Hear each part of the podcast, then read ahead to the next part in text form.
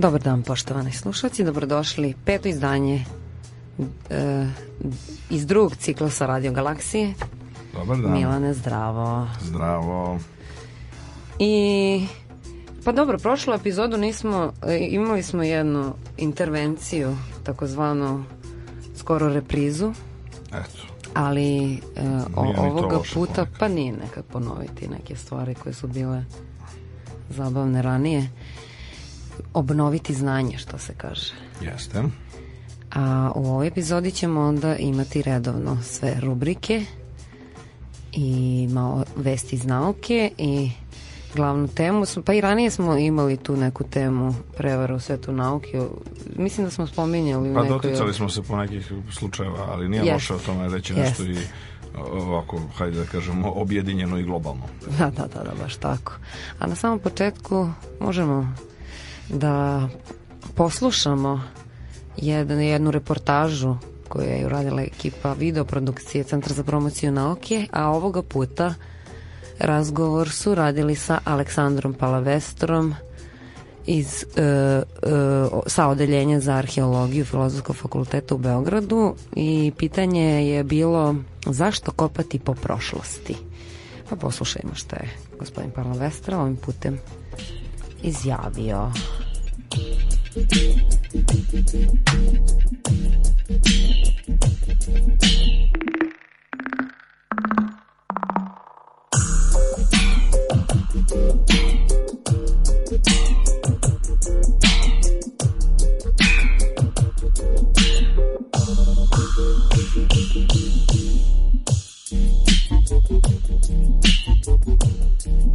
Arheologija je u našem društvu, kao i većina drugih fundamentalnih nauka, e, silom prilika na margini zbog finansiranja i zbog svega. Međutim, e, arheolozi se trude koliko god mogu da odgovore zahtevu trenutka i da spasavaju ono što se spasti može. U ovom trenutku se vode i određena E, zaštitne iskopavanja na mestima kroz koje prolaze autoputevi i na drugim mestima. Međutim, ono što je bitno je da je potrebno upravo, i zato sam i napisao ovu knjigu, arheologiju uklopiti i pokazati ne kao tehniku vađenja dragocenih, najstarijih, e, luksuznih nalaza, nego kao jednu zaista društvenu disciplinu koja odgovara na mnoga pitanja koja se tiču našeg savremenog društva. Arheologija nije antikvarstvo. Arheologija je nauka koja postavlja pitanja koja se tiču nas svih danas. Thank you. Ima naslov kulturni kontekst i arheologija, jer sam hteo da prikažem arheologiju u sklopu e, širih e, nauka i to je neko kulturno okruženje arheologije, dakle antropologije, nešto malo manje istorije i drugih nauka i da se zapitamo e, gde je tu mesto arheologije u savremenom društvu i da odgovorim na nekoliko pitanja koja su bitna ne samo za arheologe nego i za jedan širi krug čitalaca šta će nama ta arheologija uopšte i možda još značajnije šta će nam prošlo? Dakle, zašto se bavimo time, čime se bavimo, da li je to uopšte bitno ili su to neke tako dokonjačke razbibrige, da li je arheologija važna i ja sam se trudio u ovoj knjizi da pokažem zašto jeste i kako je ona uh, kako je njena uloga i mesto u društvu u stvari i kako se razvijalo ta ideja o prošlosti negde od uh, početaka ljudskog upitanosti o prošlosti pa do danas. Thank you. Postoji jedan, jedan mnogo veći problem zbog čega je potrebno da arheologija bude prisutnija, to je sve veća poplava pseudonaučnih tema, pseudoarheoloških tema, a, koje počinju da se prelivaju iz svoje neke svog mesta koji imaju u svakom društvu, ali kod nas sad već tu počinje jedna ozbiljna poplava tih pseudonaučnih tema koje najčešće imaju i neku osnovu nacionalnih mitova i upravo zbog toga mislim da je bitno da se arheologija postavi kao važna i kao istorija, i kao antropologija, kao važna društvena nauka koja, to ponavljam, koja odgovara na pitanja koja nas zanimaju. Ako mi kao arheolozi na njih ne odgovorimo, odgovorit će pseudonaučnici i pseudoarheolozi. Thank you. Opa. Pa, to je bilo lepo rečeno. Pa, zar ne? Ja se potpuno slažem. To je taj... E, dakle, profesor e, Aleksandar Palavestra sa Odeljenja za arheologiju Filozofskog fakulteta u Beogradu. A od aktivnosti Centra za promociju nauke izdvojit ćemo radionice koje se dešavaju od 20. do 22. decembra, to jeste danas se Eh, dan, dan danas se završavaju u Galeriji nauke i tehnike Sanua gde se zapravo događaju 3D kide na radionice takozvane namenjena osnovcima a u okviru ovog programa učenici koriste KIDE, jedinstven sistem koji im omogućava da dizajniraju i prave igračke na trodimenzionalnom štampaču. Da, proces dizajna se odvija na računaru, a proizvodnja preko 3D štampača, a rezultat su jedinstvene igračke pomoću kojih deca povezuje virtualni i materijalni 3D svet. Autor radionice je dizajner um, Dejan Mitrović i on smatra da deca mnogo vremena provode pred kompjuterom, ali njegova namera nije bila da im ovaj vid za zabave uskrati, već da pronađe kreativni i produktivni način igre. Tako da su deca da, do danas imala priliku da se poigraju i naprave te jedinstvene igračke ovaj, pomoću ove, ovog specijalnog sistema KIDE 3D računara a e, možda nije loše da to, to, to se pojavljuje kao vest e, Srbija ponovo u CERNu jeste međutim možda možda slušalci ne znaju ali Srbija je bila i ranije zapravo pa, član, pa, pa odnosno ne, jedan od osnivač. Je to je, pa, da. ne, ne, bila je u sastavu bivše Jugoslavije, Jugoslavije koja je, tako je, zaista tamo...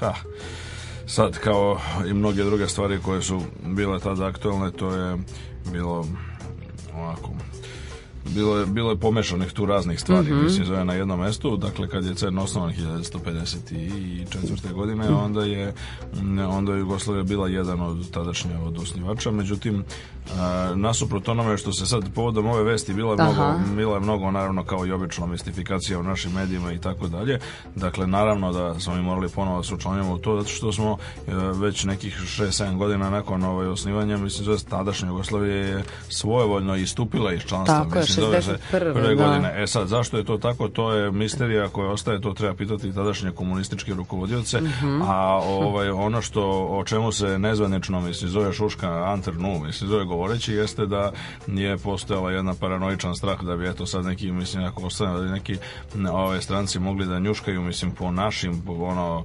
znači, verovatno sa velikim, ne, mislim, zove moćnim institutima kao što je Boris Kidrić u Vinči i Ruđer Bošković kraj Zagreba, gde se nikada nije, od odnosno tada još uvijek nije, mislim zove i narednih dobrih 20 godina se nije u potpunosti odustalo od ludačke ideje da se proizvodi nuklearno oružje, sa kojom su idejom ta dva instituta i osnovana, da, da budemo krajnje, mislim zove, otvoreni prema jasni prema slušalcima, dakle, ta dva instituta, Boris Kidriču, odnosno institutu Vinči, mislim zove i njemu analogni, pošto je sve moralo da bude tako, mislim zove, simetrično preslikano i poključu, institut Ruđer Bošković pored Zagreba su bili napravljeni originalno u kontekstu kontekstu ideje o tome da bi Jugoslavija trebalo da se bavi nuklearnim oružjem. I tek kad je od se od toga odustalo, mislim, za celog tog projekta, onda se krenulo kao one, sa onim pričama o nesvrstavanju, miroljubivoj koegzistenciji, ono, e, mirnom i, finom životu van blokova i tako dalje. No, međutim, ta ludačka ideja e, od one je postojala i opstajala još neko vreme i ljudi kažu da je to bilo jedan od razloga, sad, naravno, vrlo je teško utvrditi, mislim, zove treba ono, istorija i politička istorija nauke da se upregnu da bi odgovorili na to pitanje šta se zapravo zaista desilo.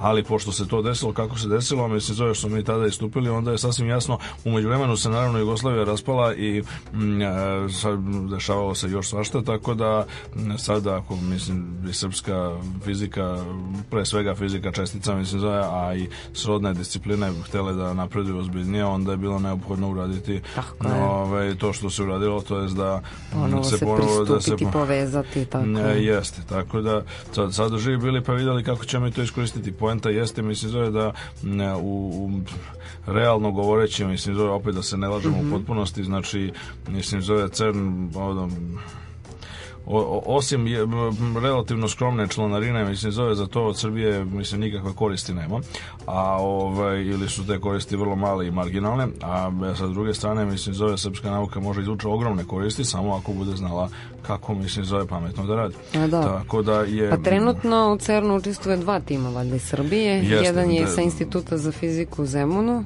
To je tačno, ne, to samo po sebi, da. mislim, zove članstvo, mislim, nije, formalno da. članstvo, da. mislim, zove nije ograničenje na kraju krajeva krajeva mislim zove kao i druge stvari u savremenoj civilizaciji crni bazirano mislim zove na e, jedno na ono kako bi se reklo poštovanju individualnog integriteta mislim zove iznad na, iznad kolektivnog tako da mislim državno članstvo nije bilo prepreka nikada mislim zove ni ranije mislim zove našim pametnim ljudima i istraživačima da učestvuju mislim zove u e, crnovim projektima Sada će to biti olakšano i možemo očekivati mislim zove da se pojave i oblici sistemske saradnje kao na primer mislim na primer recimo čisto da opet damo ne, neki primer ovaj, cenu bi mogao da u Srbiji, kao što radi u drugim zemljama članicama, organizuje, mislim, zove neke međunarodne skupove, mislim, mhm, zove konferencije, kongrese, da. prezentacije i slične stvari, mislim, zove koja, od koje bi opet, mislim, zove mi mogli da ima, imamo realne koristi. Tako je, tako. Inače, CERN čini 20 evropskih zemalja članica koje ga i zajednički finansiraju, dok deo sredstava stiže iz zemalja koje nisu punopravni članovi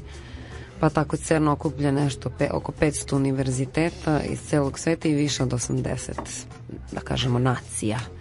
Nešto oko 6.500 gostujućih je naučnika učestvuje u radu ove Da, to je definitivno, mislim, zove da je definitivno stvarno, najveća, je. najveća globalna kolaboracija koja se bavi konkretnim mislim, zove istraživanjima. Naravno, postoje ove veće asocijacije kao što su strukovne udruženja, mislim, međunarodne unije i tako dalje, ali oni se ne bave nekakvim konkretnim temama, nego samo, mislim, zove služe kao krovna organizacija mislim, zove za um, on, nauku i razvoj širom sveta. Ovo je nešto sasvim, sasvim drugo i m, s obzirom na činjenicu da nam kao što ćemo malo kasnije reći scena stižu, mm -hmm. mislim zove i konkretne mislim zove interesantne naučne vesti možemo očekivati i nadati se mislim zove da će to biti rezultovati većim prisustvom nauke i generalno i u medijima tako i u našoj tako javnosti.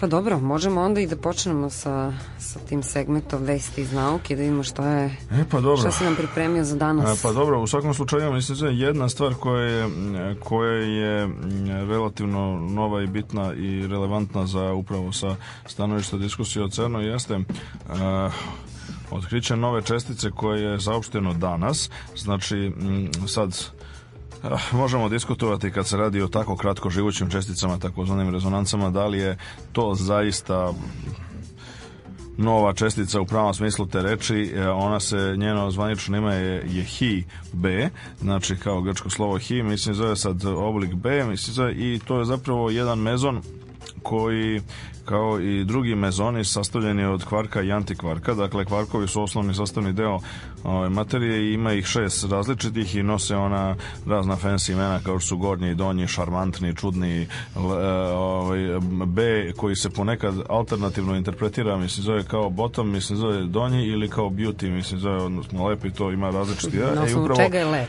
Upravo taj, pa ne, to su, mislim, poenta jeste da sve te Dakle, e, dakle, svi ti termini imaju ono tehničko značenje koje nema nikakve ni najblaže veze, mislim, zove sa svakodnevnim životom. E, naravno, recimo, svi kvarkovi se pojavljuju takođe u tri boje, mislim, zove zeleno, e, crvena i plava, ali naravno da to ne znači da oni zaista imaju boje, mislim, nego se radi o nekakvim kvantnim brojima koji su na taj način samo plastičnije predstavljeni, što naravno dovodi opet sa druge strane do večite zablode, posebno ako, ako ovaj, kao što se često bio biva, mislim, zove to se onako u medijima predstavlja na naivan i sensacionalistički način bez da se novinari udube u, u, u meritum same stvari.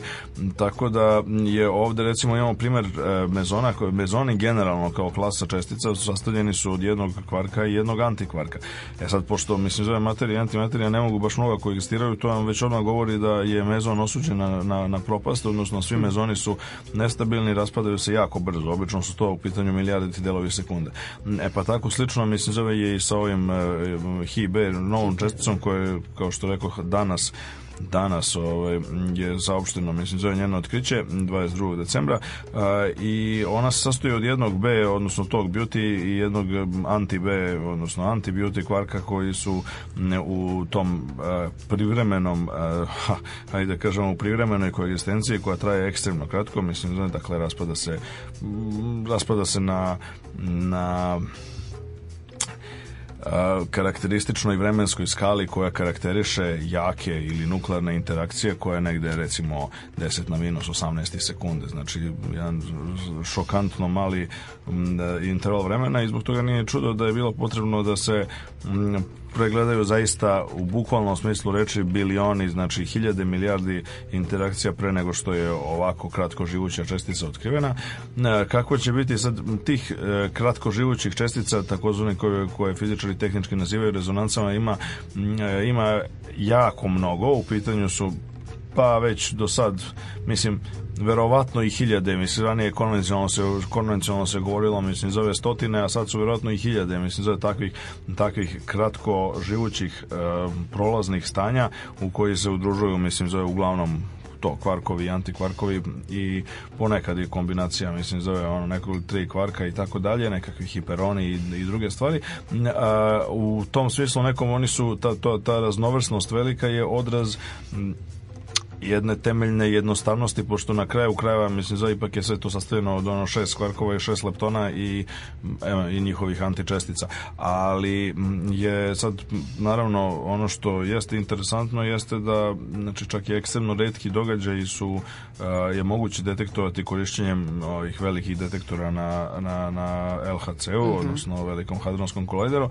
te u tom smislu nekom to nam daje optimizam i u pogledu, mm, u pogledu osnovnog, mm, osno, osnovne eh, poente rada LHC-a, to jest otkriće Higgsovog bozona i sad da li će to, o tome su sad bilo nekoliko najava u poslednje vreme, uh, koje mogu da se tumače i ovako i onako, ovaj, više onako diplomatskih i političkih nego, ne, nego što je to još uvek realno, ali očekuje se da bi odgovor na pitanje sad taj interval energija, odnosno masa u kojima Higgs obozon može da se detektuje ako postoji, je jako smanjen, tako da je sad samo pitanje vremena kad će taj prozor biti zatvoren, odnosno kad ćemo biti sigurni da li on postoji u onom smislu u kome najjednostavniji oblici mm, teorija predviđaju ili ne.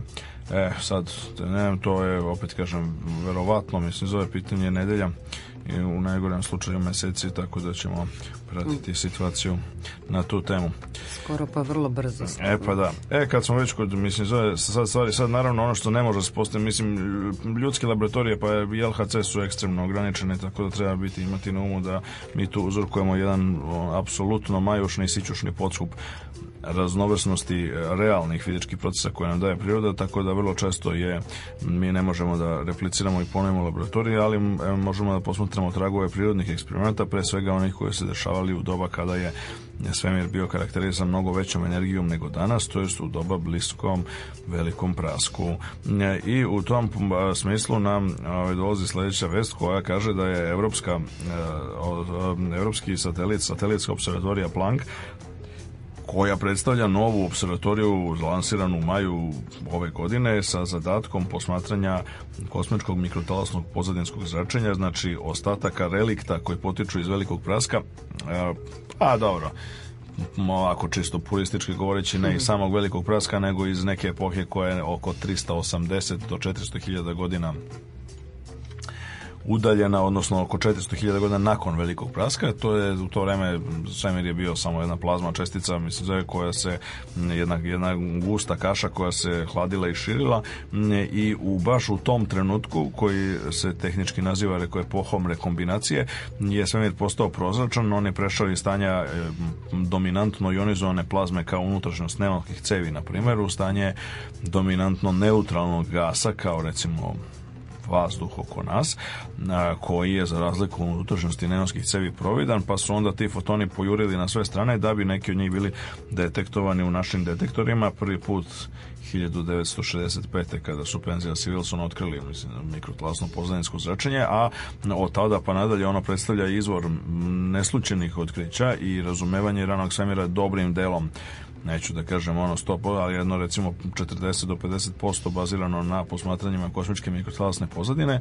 Do sada je bilo nekoliko ekstremno uspešnih satelitska observatorija, pošto jedan deo kosmičke mikrotalasne pozadine nije moguće posmatrati sa zemlje. Jedan deo jeste, znači Penzija s Wilson su otkrili, mislim da je na centimetarskim radiotalasima, posmatrajući imajući ono manje više konvencionalnu radio antenu na zemlji, drugi deo su ljudi posmatrali sa balona koji se lansiraju u stratosferu, najviše na Antarktiku, pošto tamo je zbog hladne klime najpogodnija, najmanji su šumovi, a, a jedan deo je neophodno lansirati na satelite i onda u stvari sa satelita možete vidjeti praktično tačno ceo spektar kosmičke mikrotalasne pozadine i sateliti kao što su bili Kobe u 90-im i WMAP, odnosno Wilkinson Microwave and Isotropic Probe u 2000-im godinama su nam dali ono, zaista jedno, jedno more e, informacija posvećenih ranom svemiru, a Planck bi sad trebao da nadmaši sve njih pošto je to najosetljiviji uređaj do sada za koji će snimiti celo nebo u kosmičkom mikrotalasnom pozadinskom zračenju.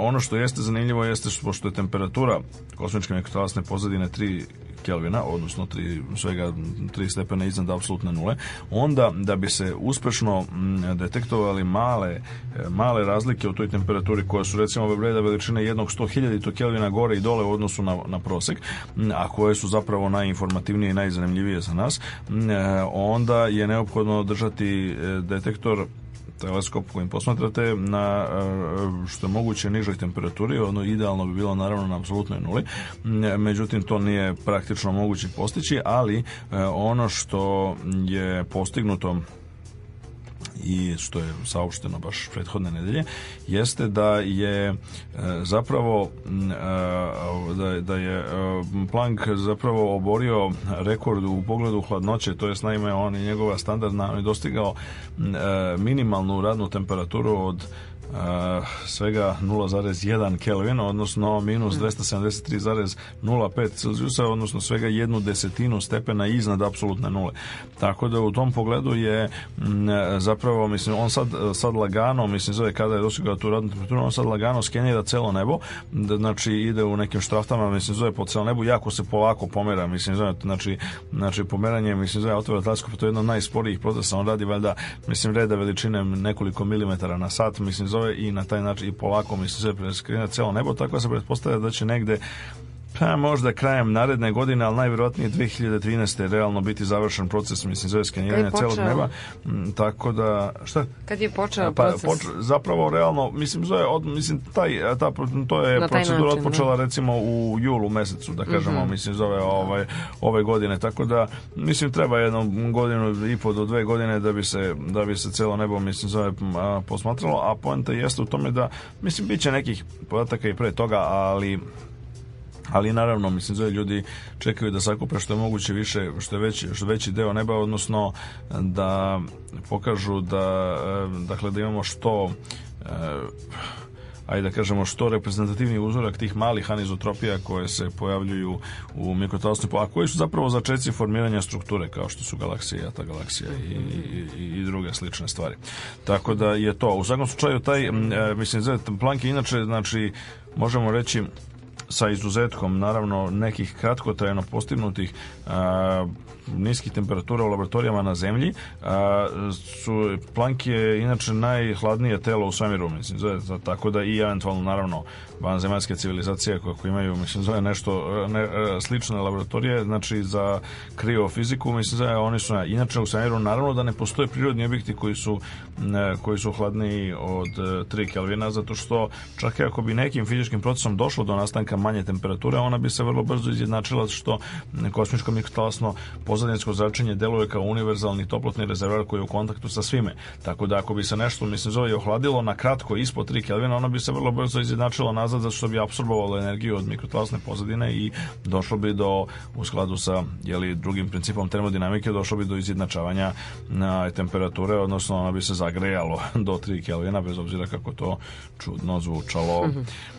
I još jedna vest koja nam stiže, mislim, zove, ove, ovaj, koja je onako zanimljiva, mislim, zove razvoja sa tehnoloških aspekata jeste da su fizičari i inženjeri na univerzitetu Ilinoja u Urbani Šampenu u Znameničkoj savjeznoj državi Ilinoj su objavili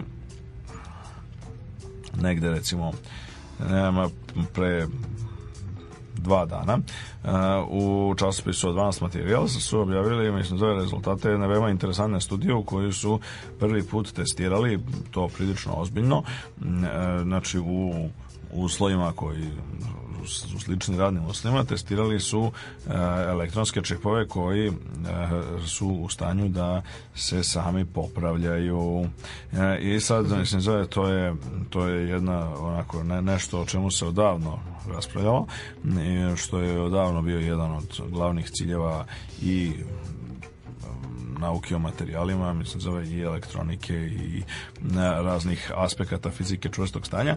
E, međutim, to je još sve do sada, mislim, da to je bilo onako u domenu ekstremnih prototipova ili na nekom jako kratkom nekom jako kratkom vremenskom roku i tako dalje. Ovaj put je, mislim, imamo znači lepo e, štampano elektronsko kolo, mislim, je napravljeno od takozvanih mikrokapsula koje je u stanju da se popravlja, mislim, zove, odnosno da znači kada se naruši provodnost nekog dela eh, nekog dela kola. Znači ono što se dešava često recimo na konkretno štampanim kolima, zašto se ona na primjer proizvode i treba ih održavati ukoliko je to ikako moguće u stanju što bližem vakumu, pa zbog toga što ne, u recimo nekakvim normalnim atmosferskim uslovima pre svega čestice prašine i druge stvari se talože i onda one oštećuju u suštini prašine, pršine, čestice prašine koje se nalaze, koje se natal, natalože na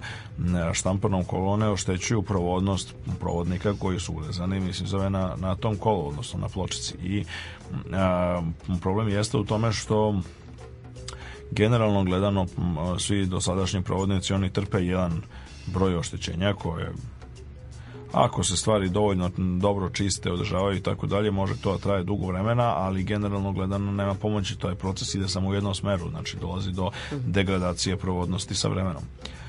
No, sa druge strane, mislim da sada je moguće, kako se ispostavlja, da se e, naprave takva kola gde je u stanju da kada se, kada dođe do oštećenja, odnosno do narušenja provodnosti, onda se mm, automatski pokreće, mislim, zove jedan lanac hemijskih reakcija koji dovodi do popravljanja, mislim, zove, odnosno do, restaur, do restauracije prethodne provodnosti. I što, to je u pitanju, su, u pitanju su te mikrokapsule koje su svega jedan stoti deo milimetara veličine, ne znam, koje se stave, mislim, zove, znači, položa se direktno na linije provodnika ili, mislim, zove se dodaka u vidu nekog tankog laminatnog sloja preko štampanog kola, a taj, mislim, zove sloj, recimo, od debljine, na primer, jedne petine ili jedne desetine milimetra e, i one sadrže, mi se zove nekakve prilično redke substance e, kao što su pojedina jedinjenja galijuma i indijuma. Sad to je za sada, mislim, zove može biti problem pošto su u pitanju prilično redki metali koji su jako skupi. Mislim, galijum posebno, znači svetska proizvodnja svetska proizvodnja galijuma godišnja se se sam pa mislim ima ga jako malo zato što ima ima ima jedno 3 4 mesta na planeti gde se može eksploatisati galijum. Mislim on negde, nigde se on ne nalazi u smislu da ima neki rudnik, nego mm -hmm. postoje mesta gde jednostavno koncentracija u tlu koja je inače se, se meri ono milionitim i 10 milionitim delima je recimo nešto više pa se onda eksploatiše galijum. Svetska proizvodnja galijuma je recimo reda veličine čini mi se ranije je bila, sad verovatno povećano međuvremenu ali ne ranije je bila reda veličine jedne tone godišnje, mislim zove, tako da ne, tako da se u pitanju mislim zove jako skupa mm. substanca, no međutim možemo očekivati da kao i kod drugih stvari, znači obično i, i kad su postignuti druge stvari, superprovodnost je isprva bila takođe u nekim egzotičnim lagurama i, i ono, jako redkim elementima, a postepeno se pokazuje sve više i više da, da možete praviti i plastiku i druge stvari koje su superprovodne, tako da isto možemo očekivati i ovde. Dakle, poenta jeste da se ta znači, znači te mikrokapsule su Mm, ona imaju same po sebi visoku, produktiv, visoku provodljivost i nisku tačku topljenja mm, i ono što se dešava mislim jeste zapravo da je prilikom oštećenja provodnosti, mislim da je jedna od stvari koja se manifestuje jeste da se povećava temperatura da, pločice u tom mestu, na tom mestu gde je narušena provodnost. Što ti elektroni, mislim da na kraju krava koji ne mogu da idu normalno da se kreću kroz provodnik, oni počinju da se nagomilavaju, mislim zove i da cure u okolni materijal i time jednostavno povećavaju njegovu temperaturu. E, onda mislim zove dođe do toga da se e, ta mikrokapsula otvore i kao posledica povećane temperature, mislim da onda taj njihov omotač se pristupio mislim se, i onda ono slobode svoj sadržaj koji onda deluje tako da restaurira odnosno obnavlja obnavlja provodnu provodnost na tom mestu. I to je rešenje mislim zove jednog problema koji je kao što rekao dugo ljudi dugo mučio posebno recimo na primer može biti koristan za uslove kao što su dugotrajne, kao što su sonde koje putuju kroz svemir jako dugo vremena, zato što ako vi pošaljete sondu, mislim, zove negde u spoljni sunčev sistem ili, ili u neki drugi susedni planetarni sistem, zašto da ne, ove, jednog dana to nije neka velika, mislim, zove tehnološki problem, samo je pitanje cene. A, dakle, onda ne možete da popravljate više stvari koje se pokvare u radionici, mislim, zove neko je na zemlji, nego je potrebno da imate stvari koje će biti prvo jako otporne na sve kvarove, a drugo, čak i ako se desi, ne bi bilo loše da se samo po sebi popravlja. Naravno, mislim, zove, ima, ima i drugih primjena, mislim, zove jedna od ideja koja je ovaj tim iz, sa Univerziteta Illinoisa sugerisao jeste da zapravo čak i da ovi e, kako se to jeli zove samo lečeći mislim self healing sistemi mhm. mislim zove mogu da mogu da produže trajanje baterija kao što su recimo baterije koje se koriste za ovaj, laptop računare, za mobilne telefone i slične stvari, tako da kao što svi znamo, mislim zove one propadaju sa vremenom, a u suštini poenta jeste u tome da se da ova vrsta tehnologije može da učini da se ti do sada jednosmerni procesi zapravo mislim da budu preokrenuti odnosno da, da se stvari vraćaju mislim da u prethodno u novo stanje.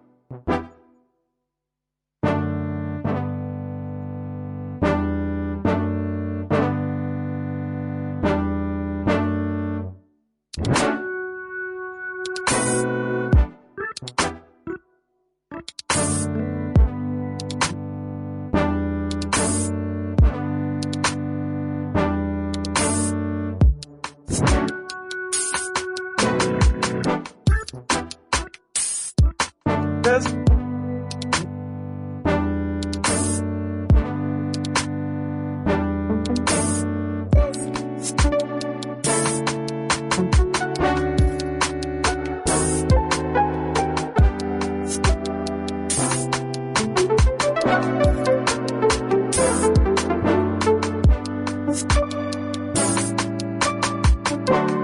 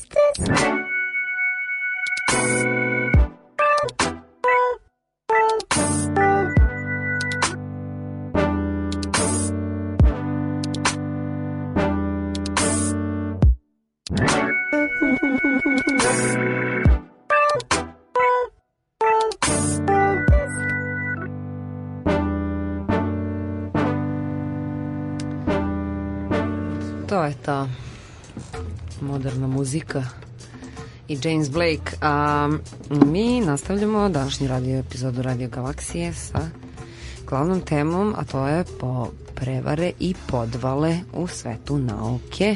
E, naravno, samo pre toga još mm -hmm. da mhm. napomenemo još jednu stvar ovaj, koju verovatno, koja nije vest iz nauke, ali jeste iz prirode, a to je danas je došla zima. A, tako je, tako jeste. je. O, pa da, to sam tako da, potpuno... Da, ako neko slušalaca slučajno nije primetio, a, ovaj, zima je ponovo sa nama. Kalendarski, da, tako da, to je, to. Zemlja je vrlo blizu suncu i bit će za nekih 15 dana, ako se ne varam, valjda 4. januara, čini mi se, to ćemo još proveriti, će mm -hmm. biti mhm. najbliža suncu, gle, zamislite čuda, mislim da je na svoj godišnji putanji, a nama je ovde zima. Da. Tako da, tako da sad vidite dobro, kako su stvari da. Ove, ovaj, drugačije nego što bi čovjek intuitivno zamišljao. Zdravorazumski. Jeste, dakle, zimi, bar na našoj hemisferi, zemlja je mnogo bliže suncu. Mislim, mnogo Odakle bliže, to nije mnogo u sa većinom njene, sa veličinom njene putanje, ali ovaj koji milion kilometara manje i više, to je onako prilično mnogo, mnogo za, za ovaj, pojedinačne ljude. A i dobro stvar je što će krenuti dan da se produžava, tako da to jeste, nije loš. Da, krenuće, jeste, jeste. E, dakle, sve u svemu, e, ovaj, ljudi opet e, imaju razne predrasude o nauci sad kako koji pa na koju stranu pa da, i obično se misli to su sve neki ljudi Jeste, neki fini neki ljudi. Neki fini ljudi žele da poprave ovaj svet. Eto. Da pronađu jeste, nešto, da, da se da, bave. Pa sad, sad hm. to ovaj, je... Naprede. Je, onda, onda kao posljedica toga ja sam uvijek bio e, sklon tome da smatram da zapravo Mislim, ne treba nikad, bez obzira koliko bile plemenite i lepe namere, ulepšavati stvari, nego predstaviti ih onakve kakve jesu. Zato što, e, bez obzira na neku kratkoročnu korist koju se nama čini da bi od ulepšanja stvari mogli postići, dugoročno gledano to samo izaziva problem. Tako isto mislim zove jeste upravo sa uh, aspektom etike u nauci kojim ćemo sad zabaviti zato što ljudi koji nisu svesni recimo toga da u nauci ima raznih oblika neetičkog ponašanja, između ostalog i ovoga o čemu ćemo govoriti, to je prevara i podvala, uh, su onda oni sa nekom vrstom uh, romantičarskog optimizma pristupe mislim zove nauci i onda posle se razočaraju kad vide vidite da to nije sve tako lepo kao što je na prvi pogled zlo. Tako da ja mislim da je bolje da se na istinu ljudi prilagođavaju što pre i što bolje i da budu svesni toga unapred. Nauka je ipak samo ljudska delatnost kao i druge ljudske delatnosti, tako da se e, kao i u svakom drugom aspektu ljudskog života i stvarala što se pojavljuju razni etički problemi. E sad, odnos i uloga etike u nauci je jako veliko i široko i teško pitanje koje mi ovde ne možemo da se ovaj, bavimo u u, ni u jednoj pojedinačnoj emisiji, a po nekih aspekata smo se već doticali do sada, a e, ono što ćemo, naravno ćemo to raditi u buduće, e, ono što jeste bitno za nas ovdje jeste da razumemo da e, postoje brojni oblici neetičkog ponašanja. Ja, neke od njih smo pominjali u prethodnim mm -hmm. radiodakcijama, govorili smo recimo o jednom obliku neetičkog ponašanja koji je nažalost nažalost postao aktualan u poslednjih stotinak možda malo više godina, mislim zove, a to je stavljanje nauke u službu raznih političkih ideologija i to je, o tome smo raspravili o tome kako je, mislim zove lisenkoizam, pa onda ne znam, marijevska nauka u nacističkoj Nemačkoj, pa onda naučni rasizam pod navodnicima, naučni socijalizam pod navodnicima, ono što neki zovu kao kreacionisti takođe imaju svoj creation science i tako dalje. Dakle, stavljanje nauke u službu ideologije je jedan primer netičnog ponašanja, ali ima i drugih, recimo cenzura nepoželjnih hipoteza ono što se zaključi u datom trenutku da je nepoželjno iz opet nekakvih van naučnih razloga ovaj, jednostavno često biva cenzurisano. Imamo razne uređivačke i rukovodilačke generalno zloupotrebe. Urednici, na primjer, velikih naučnih časopisa su e, ljudi koji su stalno u iskušenju, hajde tako da kažemo, da ovaj, počine neetička razne neetičke akte zato što Oni imaju prioritetan pristup mislim, informacijama koje su relevantne za celu naučnu zajednicu i na njihovoj diskreciji da odluče kada, kako i da li će i, ono, i, ih objaviti. Da. I neki put dešavalo se u par navrata, mislim, zove da su ljudi to zloupotrebljavali. Isto tako se odnosi na drugim rukovodećim mestima u nauci koja se ne razlikuje mnogo od ono rukovodećih mesta u nekim drugim aktivnostima, mislim, zove. Vi kad ste direktor, mislim, zove velike kolaboracije, laboratorije, akceleratora, observatorije i tako dalje, onda vi morate donosite dosta odluka odluka koje se tiču nauke s jedne strane, a s druge strane to nisu naučne, mislim za odluke, ne možete se sugovoriti naučnim principima, nego morate nekim recimo etičkim načelima.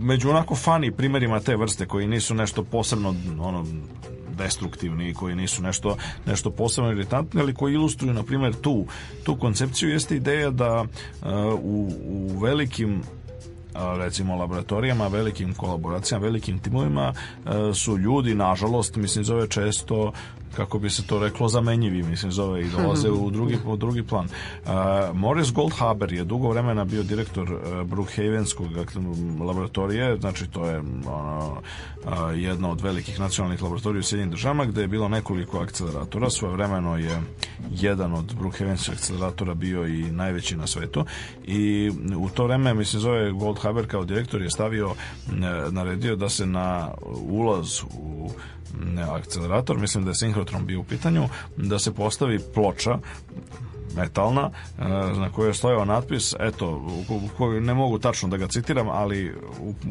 u, u slobodnom slobodnoj interpretaciji otprilike tamo je pisalo eto mi svi imamo sreće da radimo mislim zove sa ovako veličanstvenim uređajem imajte na umu ova mašina je nezamenjiva ali vi jeste Tako da u tom smislu reči razne vrste zloupotreba i netičkog ponašanja rukovodilaca su takođe poznate i naravno postoji jedan oblik netičkog ponašanja koji je koji je e, dramatično aktuelan poslednjih decenija i godina i ima sve izglede da na našu žalost postane sve aktuelniji u narednom periodu, a to je a, ignorisanje rizika zarad stvari kao što su rezultati, uspeh istraživanja, uspeh projekta, čak ponekad onako demagoški svaćeni napredak generalno.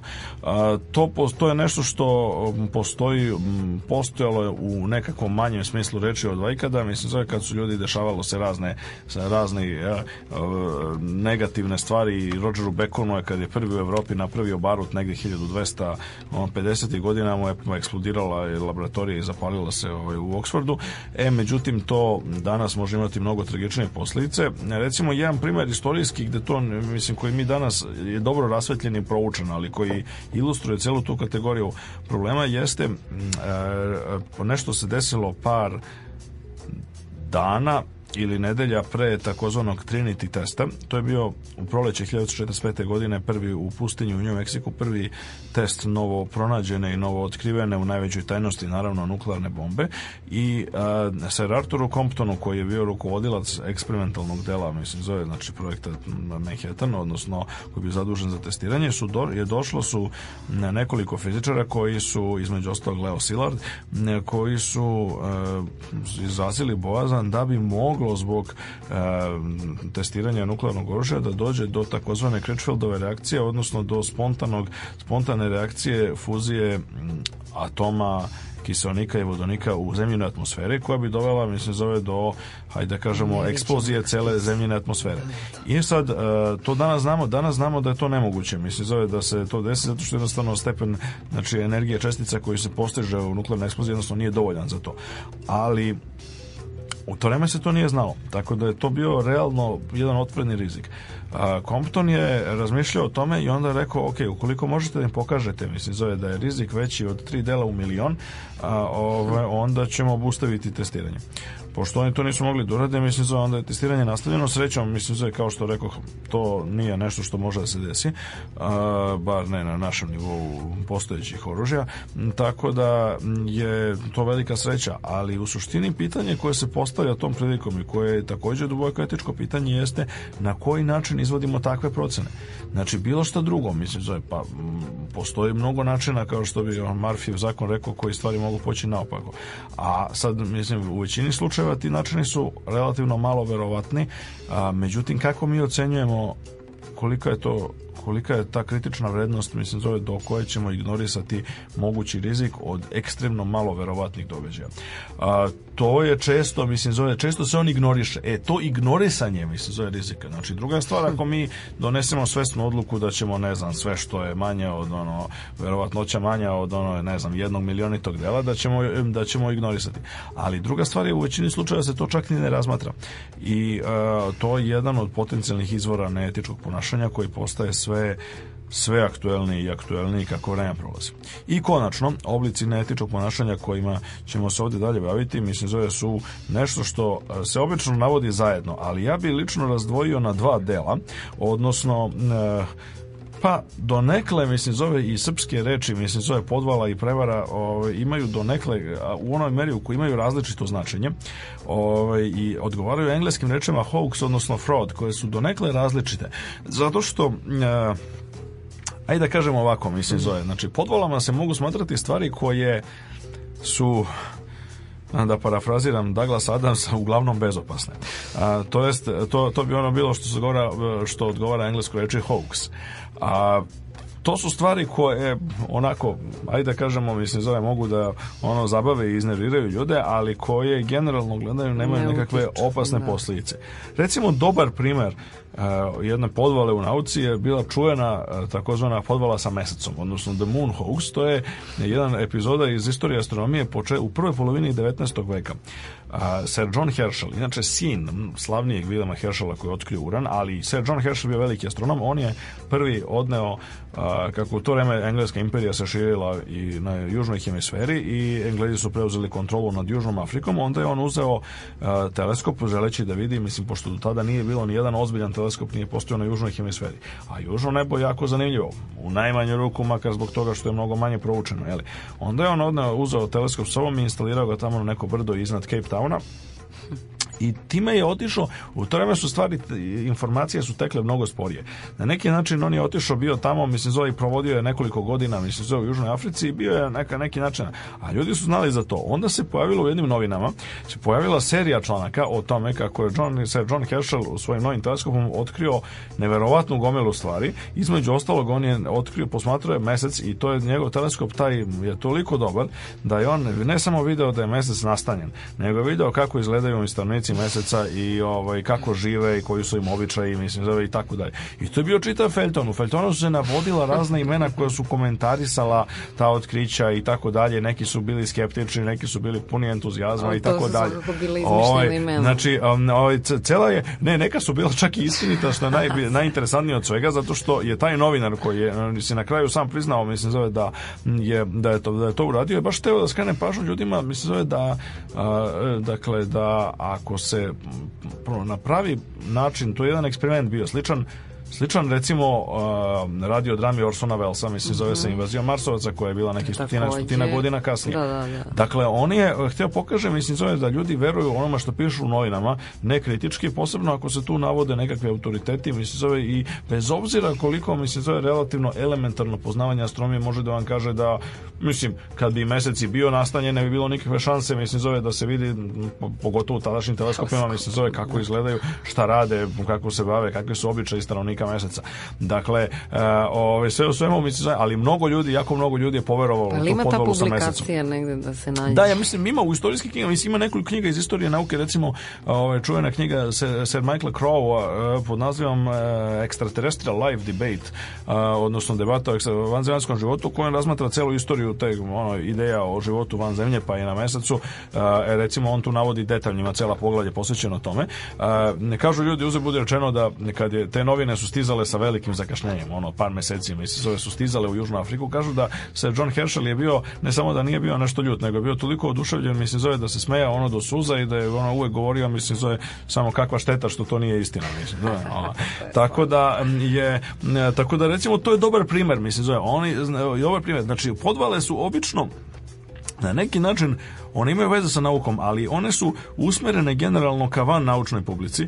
One koriste i ukazuju, mislim, zove na ono probleme neznanja, neobrazovanja i nerazumevanja, mislim, zove naučnih rezultata. Mislim, često su ono duhovite i mogu imati u krajnjoj instanci društveno koristan karakter. A, imamo čuveni slučaj Sokalove podvale. Sokal Hawks, mislim, zove je nešto što je aktualni dan danas, 96. godine Alan Sokal, jedan matematičar levičarske ono, orijentacije, čovjek koji je radio u Nikaragvi u vreme kada je, mislim, Sjedinje države imale sankcije, uvele sankcije protiv Nikaragve, je objavio u jednom vrlo pomodnom akademskom, takođe levičarskom časopisu Social Text i objavio članak u kome je nalupetao užasne gluposti, ali zaista užasne, e, a oček, očekujući, hteo će, da, samo, samo hteo da vidim, mislim, zove, da li će urednici progutati nešto što je potpuni nonsens sa stanovišta, mislim, zove, nauke, ali ukoliko to laska njihovim ideološkim predosnovama. I gle čuda, oni objavit će članak. To on kad je kasnije desilo, hteo da. da demantuje, on je kasnije hteo odmah, naravno, da, se zove ali nakon tog objasne šta je radio. Ali oni su ga, ne nego oni, oni nisu hteli da objave Demanti u istom časopisu, on je objavio u drugom, Lingva Franca, mi se zove objavio Demanti, ali nisu hteli isto, nego naprotiv kad je on hteo, kad se on javio sa tim, oni su ga napali zato što je promenio mišljenje. Pazi, sad misleći da je on zaista mogao, a inače taj čovjek je pravi, je neverovatan kolaž najrazličitijih gluposti iz te postmoderne, mislim, zove akademske scene, recimo njegova ideja, na primjer, on tu promoviš ideju da e, buduća kvantna teorija gravitacije će imati ogromne posljedice po feminizam, po, po, po prava manjina, mislim zove, po tako dalje, znači stvari koje su potpuno besmislene, ali koje očigledno laskaju, mislim zove, jeli, ono, urednicima, časopisa i ljudima kojima, koji smatraju da su to e, vrlo bitna pitanja, sa kojima se Sokali slaže, na kraju krajeva on je rekao, mislim zove, pa kao ja se, mislim, naši generalno ciljevi su isti, ali vaš lo, loš i nizak nivo nizak nivo racionalnog i akademskog i interdisciplinarnog obrazovanja vas jednostavno sprečava, mislim zove da ozbiljno radite na tim ciljevima koji su nam na Ukrajinoj instanci zajednički.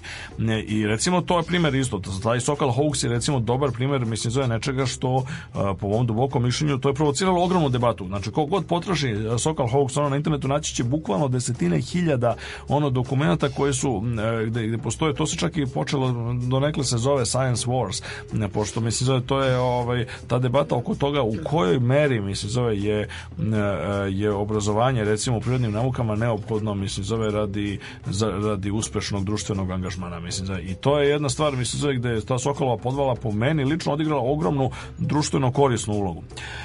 E sad, nasupro tome, mislim, zove prevare, odnosno ono što bi, što bi glasiti prevarama, a što odgovara engleskoj reči fraud, mm. a, predstavljaju mnogo ozbiljniji problem. Zato što one, e, one, one potiču uglavnom od profesionalaca, Znači, potiču profesionalno, one su uglavnom usmjerene ka naučnoj javnosti. E, striktno govoreći, mislim, zove obrazovanje i relevantno za njihovo prepoznavanje, pošto vi, ako, su, ako je prevarant dovoljno vešt, vi jednostavno ne možete da ih prepoznate ne možete i prepoznate da to jest sve dok ne ponovite, mislim, zove ceo najčešći eksperiment, mislim, zove koji objavljuje prevaranske, znači, gde, gde, gde čiji su rezultati, mm, je li suština prevara. A, dakle, one nanose ogromnu nematerijalnu štetu, pre svega, a ponekad i materijalnu, što može da se ilustruje nekim primarima i naravno a, postoji jedan užasno veliki problem dodatni zašto ih je teško prepoznati? Pa, jedan deo problema potiče od selekcionih efekata. Naime, ovi neki primeri koje ćemo pomenuti u daljem toku, mislim ove pa i naredne ove, ovaj, epizode Radio Galaksije e, su poznati zato što su pre ili kasnije, bolje pre nego kasnije naravno, ali su otkriveni Ali poenta jeste, mislim, zove da najveštije prevare su one koje nisu otkrivene, mm -hmm. koje se negde nalaze i dalje, mislim, zove zakopane u moru informacija i naučnih rezultata i tako dalje, jednostavno još nisu otkrivene. Tako da postoji ta jedna vrsta selekcionih efekata. To je kao onaj selekcion efekt, to je kao onaj čuveni epigram uh, Johna Harringtona, elizabetanskog pesnika, koji je pitao uh, tamo u, to je bilo negde recimo u doba kraljice Elizabete I, znači kraj 16. i početak 17. veka, on ima onaj epigram koji kaže otprilike na tadašnjem engleskom treason dot never prosper, what's the reason? Why, if it prospers, none dare call it treason. Odnosno u prevodu, zašto izdaja kao redko uspeva u istoriji? Pa zato što kad uspe, niko se ne usuđuje da je nazove izdaju. Mm. Tako da u tom smislu reči, znači kad prevare uspeju, mi se zove, onda mi ne znamo i niko ne može da ih nazove prevarama. Tako da mi to još uvek ne znamo. Tako da moguće da će najveće prevare tek biti otkrivene u tom nekom smislu. Mm. E sad, imamo primere, sad, mislim, to ne treba shvatiti izolovano, kažem, od slučajeva e, neetičkog i prevarančnog ponašanja u drugim oblastima. E, dakle, imamo brojne primere prevara na kraju krajeva u drugim sferama ljudske delatnosti, recimo u umetnosti i u sportu. A, primer koji ja najčešće volim da navodim kao primer, e, znači umetnost ima jako mnogo primjera naravno falsifikata, a, na primer falsifikovanja, najčešći, najčešći ovaj, slučaj netičnog ponašanja ove vrste, mi se zove je falsifikovanje slika e, i m, to je nešto što predstavlja temu recimo jednog briljantnog filma Orsona Wellsa pod nazivom F for Fake, koji se bavi upravo e, jednim od spoznatim prevarantom, tim baronom Elmirom ili Elmirom de Hourijom, mađarskim aristokratom, bar tako se on predstavljao, ove, koji je tvrdio, mislim zove, da je falsifikovao nekoliko desetina slika koje, od kojih neke stoji dan danas po svetskim muzejima. Između ostalog je tvrdio i sad postoji jedna čudna scena, mislim zove tu kad ovaj je kad se posto, kad Orson Welles pokušava da rekonstruiše pošto je jedan pol, ako polu dokumentarni film, jedan izvanredan eksperiment koji se umnogome oslanja na a, stvarne činjenice, on pokušava da rekonstruiše susret iz tog barona Elmera sa Picassom, pošto recimo i kako stoje stvari čak izgleda da se Picasso sam složio da je jedna njegova poznata slika koja je ovaj, se nalazi u jednom poznatom evropskom muzeju je zapravo falsifikat, mm. mislim zove ovaj I, a, i ono, što, ono što jeste interesantno recimo u tom, e, a, ono što jeste zanimljivo jeste da originalno Orson Welles je bio inspirisan da napravi taj film tako što je čitao biografiju, mislim, zove tog Elmira Valsvi, odnosno znači, knjigu o njemu. E, ali koju je napisao neki novinar. E, ali onda Orson Welles je hteo da uspostavi kontakt da razgovara s tim novinarem, mislim, zove tako. Ali Jasne. onda se ispostavilo da, taj, da, to, da ime tog autora je takođe lažno. Odnosno da taj autor, pravi autor te biografije uopšte nije mogao da bude pronađen. Tako da je tako da je to onako eh, jedna vrlo onako interesantna priča. Jedan drugi primer a, je koji je takođe jako poznat zato što je onako utvrđen i sudskim putem je bio takozvani slučaj Van Megeren. Naime, E, tokom drugog svjetskog rata u okupiranoj Holandiji e, se nalazila jedna od vila velikog nacističkog glavešine i zapovednika e, Luftwaffe Hermana Geringa. A Gering je volao da nastupa kao veliki kolekcionar umetni, umetničkih dela i onda je on zaista po svojim rezidencijama nakupio, mislim, zove što on opljačkanih, što kupljenih neki put kupljenih za falsifikovane, falsifikovane pare, što su radili najveći, najviši nacistički funkcioneri za divno čudo, ovaj, je umetnički dela. Kada je e, Nemačka kapitulirala, onda su novo, oslobod, nove holandske vlasti su između oslog napravile u Geringovoj vili su napravile inventar i onda su za zapanjenjem utvrdili, mislim zove da se tamo nalaze tri ili četiri a, primerka neverovatno vrednih i skupocenih a, slika velikog starog flamanskog majstora Jana Vermera van Delfta.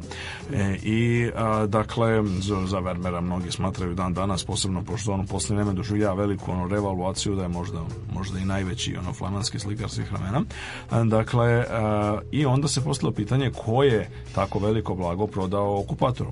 I oni su izvršili, pokrenuli istraživanje, istraž, istragu i onda su došli do izvesnog Hana Van Mege Kerana koji je bio u to vreme čovjek vlasnik zvanično vlasnik kafića u, u Rotterdamu nekadašnji, mislim, zove ono propali umetnik, e, alkoholičar, kažu da je imao problema i sa nekim težim substancama, a dakle i oni, on je ispostavilo se da je on za nekakve jako velike pare ovaj, negde u 1940. i 41. godine prodao Geringu tri Vermerove slike. On je naravno bio uhapšen i izveden na sud pod optužbom da je sarađivao sa izvuko koristi ili iz okupacije, da je sarađivao sa neprijateljem, što je bilo delo za koje je u to posledatno vreme bila zaprećena i smrtna novčana kazna. Najveći. A na, da. ovaj, na, na sudu, međutim, Van Megeren je, je se branio na a, ovaj potpuno neočekivani način koji je privukao strahovito veliku pažnju mislim ljudi širom sveta. A ovaj naime on je izjavio ne samo to je tačno to što ste vi formalno rekli. Međutim ne samo to što ja nisam saradnik okupatora. Naprotiv, ja sam učinio patriotsko delo zato što sam okupatoru mislim zove prodao za velike pare slike koje su bezvredne zato što ih nije naslikao Vermeer, mislim zove nego sam ih naslikao ja. E, I a, onda se pokrenula velika debata oko toga. On je objasnio da u detalje postupke koje je koristio, mislim zove da bi proizveo, mislim zove nekoliko desetak lažnih vermera, e, on je čak tvrdio da dela koja su ušla u istoriju umetnosti, od kojih su jedna, posebno taj anđeo iz Emausa koji se čuva u Metropolitan muzeju, jer su smatrane za najznačajnija, mislim zove i najkarakterističnija vermerova dela, da su u stvari bili njegovi falsifikati. A sud je bio toliko šokiran, mislim zove tim, tom idejom, da su onda izvršili neverovatan eksperiment, gotovo be, ono bez presedana u, u istoriji posebno pravnih nauka. Naime, oni su njemu omogućili u zatvoru, mislim zove sve moguće, Uslovno, mislim zove resurse da. i mogućnosti pod uslovom da za šest meseci ili tako nešto napravi, mislim zove još jednog, mislim zove ovaj Vermeera. I on je to zaista uradio, mislim zove policijski inspektori su dolazili svakih par dana da pregledaju kako napreduje, mislim zove ono i tako dalje. Napravili su čitav šou od toga, mislim. Dakle, on je čovjek, mislim zove napravio zaista, mislim zove novog vermera i onda nakon toga mislim Misisave je nakon toga mislim sudska je to je tužba bila odbačena Misisave protiv njega. Međutim on je umro jako brzo, mislim se zove nekih ono 6 meseci ili tako je nakon završetka suđenja, tako da ja jako je stekao veliku slavu, ono nije stigao da objasni mislim zove detalje toga, mada je jasno iz recimo tih sudskih spisa je jasno da on koristio neverovatno sofisticirane hemijske metode da bi činio da slike izgledaju mnogo starije, između ostalog da bi rekonstruisao neke od boja koje su koristile Vermeerovo doba, uzimao je čak čak i dragao kamenje i pretvarao ih u prah, mislim zove i mešao sa uljanim bojama, mislim zove da bi postigao odgovarajuće efekte. Tako da je zapanjujuće. I tako da danas postoji jedna senka, mislim zove nad Verma u kojoj diskutuju poznavaoci Vermerovog dela, mislim zove to jest nije sasvim jasno Da li su neka od, mislim, zove, da, neka, neka od ono Vermeerovih dela koje su prihvaćena falsifikuje odbina. Kao posledica ovog slučaja i kao posledica nekih sličnih slučaja, u umetnosti su uvedeni e, današnjoj savremene umetnosti i u naravno muzejskim naukama, u muzeologiji i tako dalje, su uvedeni strahovito striktni kriterijumi u pogledu validacije toga, mislim, zove, šta je, šta će se priznati kao original, a šta ne. Imali smo primer relativno skoro ovde u Beogradu Naime, tvrdilo se i po novinama je to izazvalo veli e, da je kod vlasnika, mislim zove iz Beograda, pronađena nova, do tada nepoznata slika velikog italijanskog ono slika Rama de Modiglianija. I a, ta, to je bilo, mislim zove, dakle ono, to je bilo objavljeno recimo u novinama relativno ne, pre par godina. E, ali ono što ljudi zaboravljaju jeste da originalno ta slika je e, i taj vlasnik se prijavio, mi se zove tvrdio, mislim da to kod njega i poslao u Italiju ekspertizu. To negde 1990, negde sredinom 90. godina. Dakle, italijanska a, e, asocijacija koja se bavi, mi se zove time i koja je specijal, najkvalifikovanija za a, e, ovaj, modeljanijeva dela, je radila na ekspertizi te slike ni manje ni više nego čini mi se 11 godina. Dakle, 11 godina je bilo neophodno, mislim, zove, da bi se utvrdilo i potvrdilo da je to zaista, mislim, zove, da modelje. To pokazuje koliko su ljudi danas oprezni sa, kada se radi posebno tako neotkri, ne, ne, kasno da? otkrivenim delima veli, ono, velikih majstora. Zato kako da bi se izbeglo slučaj i tako. Je. E sad, oni na neki način, mislim zove te stvari umetnosti, posebno kad se radi o tumačenju klasika, se imaju dovoljno vremena na raspolaganju. Nasuprot tome, u nauci recimo se stvari odvijaju mnogo brže i onda, nažalost, mislim sa jedne strane, sad neko će reći na sreću sa druge, zato što to omogućuje brzinu progresa nauke, ali nažalost niko nema vremena da potroši 11 godina da i proverio da li su neki rezultati ona autentični ili ne, da li je nekad neka tvrdnja objavljena mi se zove kao naučna tvrdnja autentična ili ne. I to jeste jedan deo problema koji bi se mogao nazvati unutrašnjom kontrolom.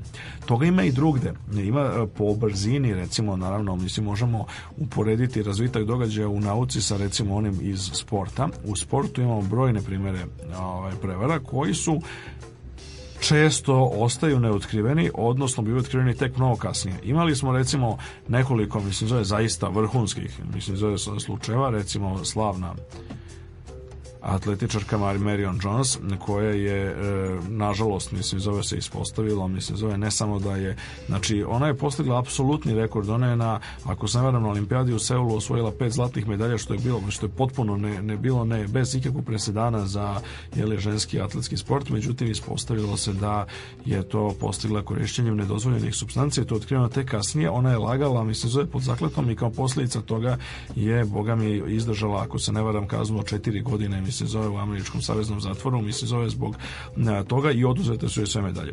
Sličan slučaj je sa nekajašnjim rekorderom, mislim zove na 100 metara, kanadskim atletičarom Ben Johnsonom, koji je takođe, mislim zove, otkriven tek naknadno i onda ne samo što mu oduzeta medalja, već i poništen dotični rekord. rekord.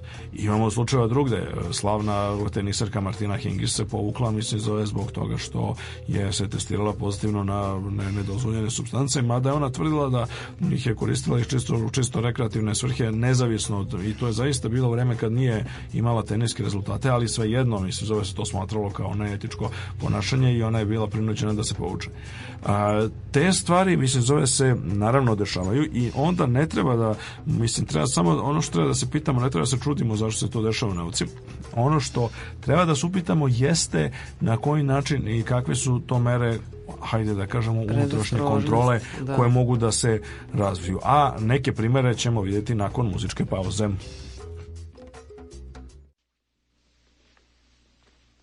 So say good night to the bad guy.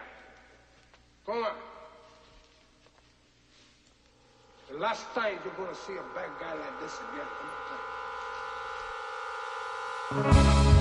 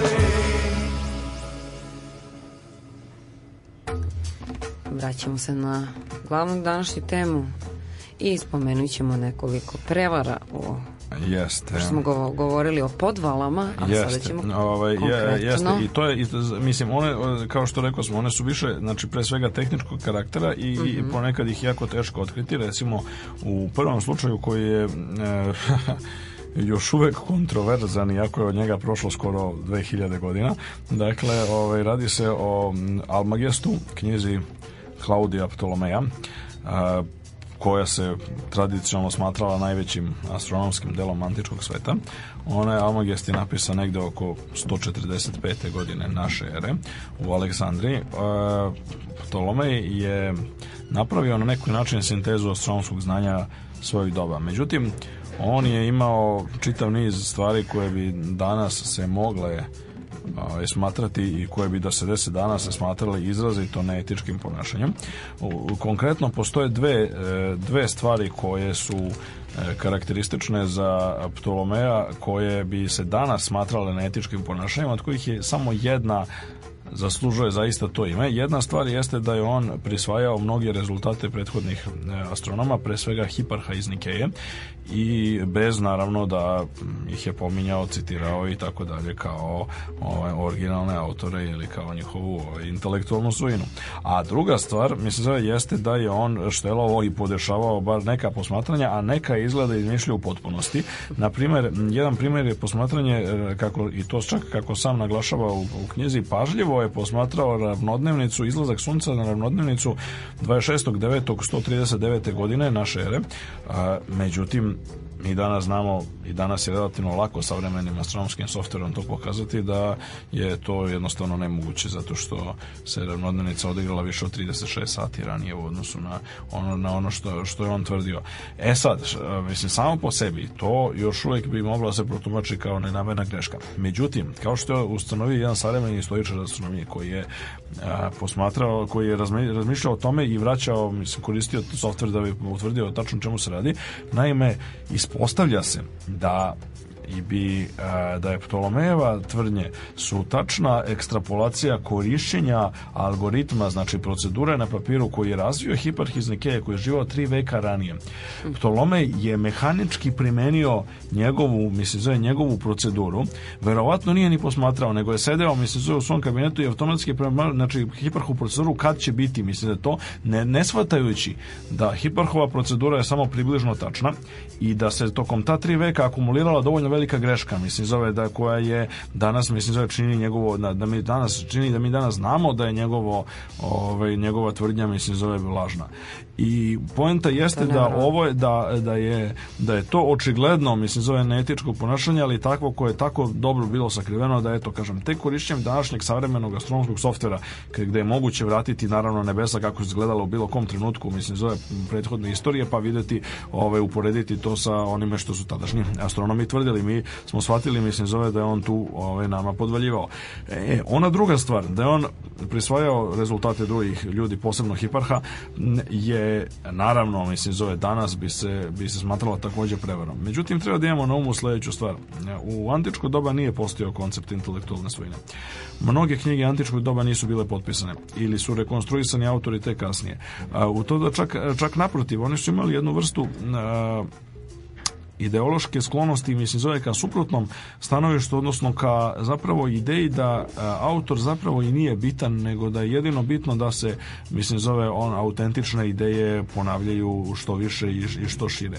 Tako da možemo zaključimo da Hiparh da je bio živ u doba, mislim, zove Ptolomeja, on ne samo da ne bio ljut, mislim, zove na to što, mislim, nije bi pomenut, nego naprotiv bio bi srećan što su njegove ideje uopšte našle mesto, mislim, zove u Ptolomejevom tom velikom kompendijumu pod naslovom Almagest. A i tako da to, mislim, mi ne možemo pristupati, mislim, zove tome sa današnjeg stanovišta. E, to, e, hajde da kažemo, to necitiranje izvora nije bilo e, povreda etike u antičko doba kada koje je jedino relevantno. Međutim, ovo drugo falsifikovanje posmatranja, mislim, zove i štelovanje rezultata, mislim, zove svakako jeste. Ali kao što rekao, to, to smo ustanovili tek jako skoro. Te u tom smislu reči je to pokazuje koliko, mislim, zove su autentične, mislim, zove prevare mogu biti teške za otkriće. A drugi slučaj, mislim, zove koji je jako poznat i koji na neki način je takođe u kojem ono savremeni i neki način njegove neki aspekti su i dan danas sa nama Nem jeste ovaj, slučaj Sir Sirila Barta Sir Cyril Bart je bio psiholog neki u, u svoje vreme i pogotovo u drugom periodu svog života slavljen kao ono najveći psiholog ako ne u istoriji, a ono živi u to doba. A, on je imao ogroman, se zove ogroman akademski e, opus. Čovjek je napisao desetine knjiga, više stotina naučnih radova, osnovao e, časopis koji u to doba bio najugledniji britanski časopis za psihologiju, bio prvi psiholog ikada, mislim, zove koji je bio zvanični savjetnik, mislim, zove neke vlade.